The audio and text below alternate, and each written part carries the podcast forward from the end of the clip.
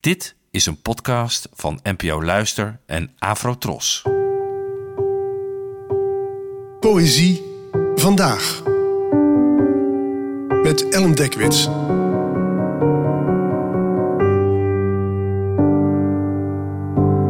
Hallo, fijn dat je luistert. Het titelloze gedicht van vandaag werd geschreven door de Amerikaanse dichteres Claudia Rankine, geboren in 1963 en vertaald door Janneke van der Meulen. Vanwege je VIP-status na een jaar lang vliegen met United Airlines heb je je al geïnstalleerd in je stoel bij het raam wanneer het meisje en haar moeder bij jouw rij aankomen.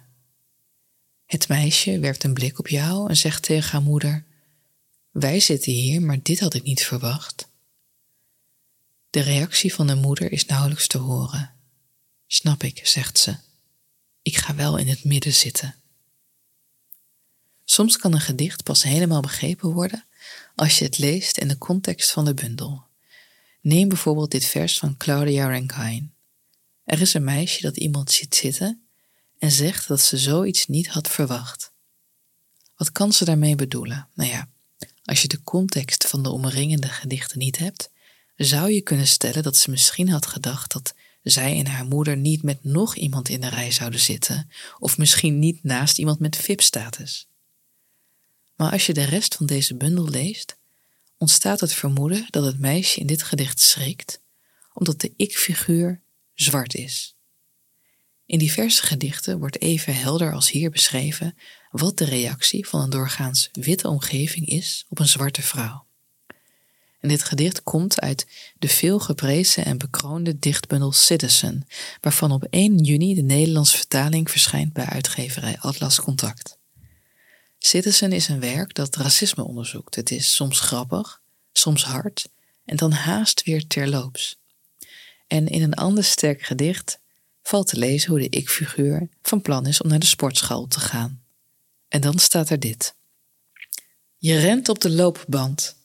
Een heel uur ren je, alleen jij en je lichaam die elke ongewenste gewenste ontmoeting eruit rennen.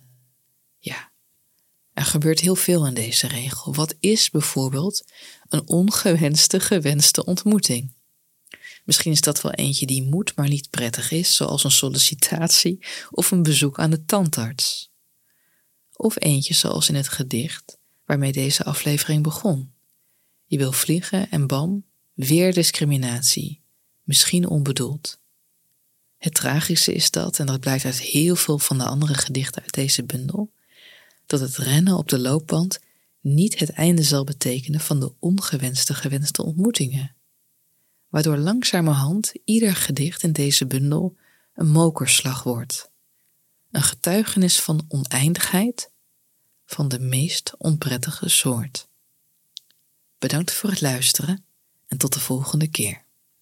Afro Tros, de omroep voor ons.